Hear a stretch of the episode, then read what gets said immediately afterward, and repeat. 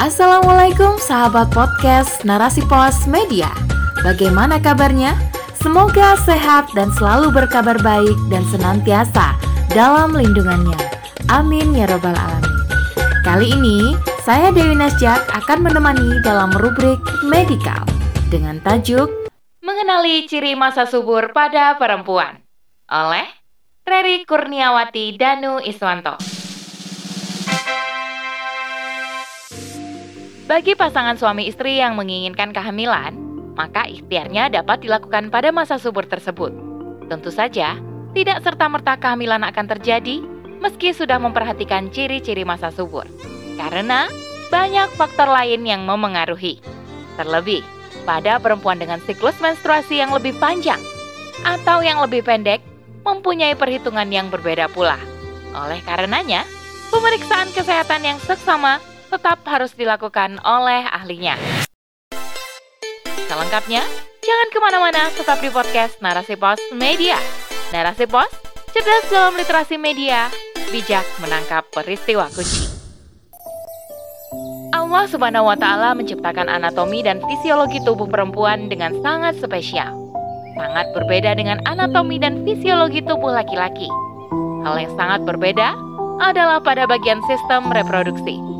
Pada sistem ini, terdapat organ reproduksi yang karenanya perempuan mempunyai fungsi khas, yaitu menstruasi, hamil, melahirkan, dan menyusui.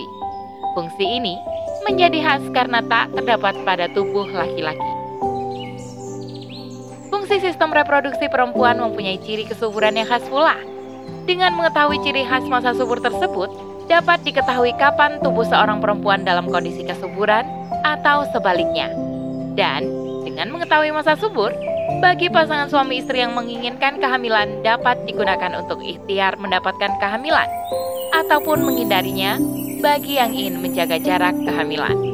Masa subur berkaitan dengan siklus menstruasi sebagaimana telah diulas dalam artikel sebelumnya, yakni menstruasi siklus yang berulang setiap bulan siapa yang mengatur, yang juga telah ditayangkan oleh narasipos.com pada tanggal 12 Oktober 2021.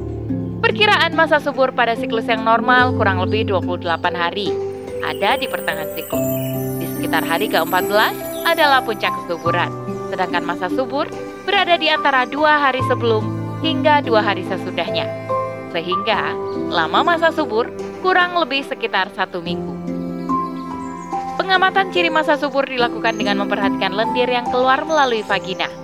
Meski demikian, Proses ini berkaitan dengan kerja sistem hormonal di otak dan proses pematangan ovum atau ovulasi yang terjadi di dalam ovarium.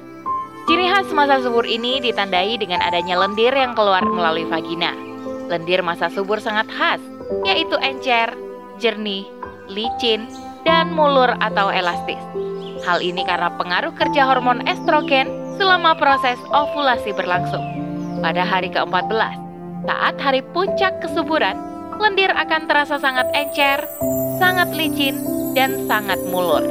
Inilah hari ketika ovum telah siap dibuahi. Karena usia ovum yang optimal untuk dibuahi kurang lebih hanya 24 jam saja. Jika tidak terjadi pembuahan, maka periode siklus akan berlanjut. Selanjutnya, masa subur berganti dengan masa tidak subur. Ciri khas lendir berubah menjadi putih kental karena pengaruh kerja hormon progesteron hingga akhirnya kering atau tidak ada lendir sama sekali karena fungsi ovarium untuk mengeluarkan hormon estrogen maupun progesteron sudah berakhir. Inilah akhir siklus menstruasi yang ditandai dengan meluruhnya lapisan uterus disertai dengan keluarnya darah menstruasi. Bagi pasangan suami istri yang menginginkan kehamilan, maka ikhtiarnya dapat dilakukan pada masa subur tersebut. Tentu saja, tidak serta-merta kehamilan akan terjadi, meski sudah memperhatikan ciri-ciri masa subur karena banyak faktor lain yang mempengaruhi. Terlebih, pada perempuan dengan siklus menstruasi yang lebih panjang atau yang lebih pendek mempunyai perhitungan yang berbeda pula. Oleh karenanya, pemeriksaan kesehatan yang seksama tetap harus dilakukan oleh ahlinya. Inilah fitrah seorang perempuan. Begitu khas penciptaan tubuh seorang perempuan. Dengan memahaminya, semestinya membuat kita makin mengerti bahwa tidak seharusnya anatomi dan fisiologi perempuan yang khas ini disetarakan fungsinya dengan laki-laki yang mempunyai bentuk dan fungsi yang berbeda. Sedang keberadaan perbedaan tersebut mempunyai derajat yang sama di sisi Allah Subhanahu wa taala. Oleh karenanya, tidak tepat jika konsep kesetaraan gender diartikan dengan perempuan dapat melakukan apa pun yang juga dilakukan oleh laki-laki. Bagi perempuan, ia mempunyai tugas dan tanggung jawabnya sendiri. Demikian juga bagi laki-laki.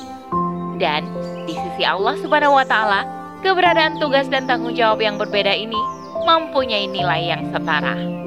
Hal yang harus dilakukan adalah menggunakan apa yang telah menjadi fitrah perempuan untuk sebaik-baiknya mengabdi pada penciptanya, yaitu dengan melaksanakan perintahnya dan menjauhi larangannya. Allah Subhanahu wa taala berfirman dalam Quran surah An-Nisa ayat 97. Barang siapa yang mengerjakan amal saleh, baik laki-laki maupun perempuan dalam keadaan beriman, maka sesungguhnya kami berikan padanya kehidupan yang baik. Wallahu a'lam bishawab. Demikian rubrik medikal kali ini. Sampai bertemu dalam rubrik medikal selanjutnya. Saya Dewi Nasya kundur diri. Assalamualaikum warahmatullahi wabarakatuh.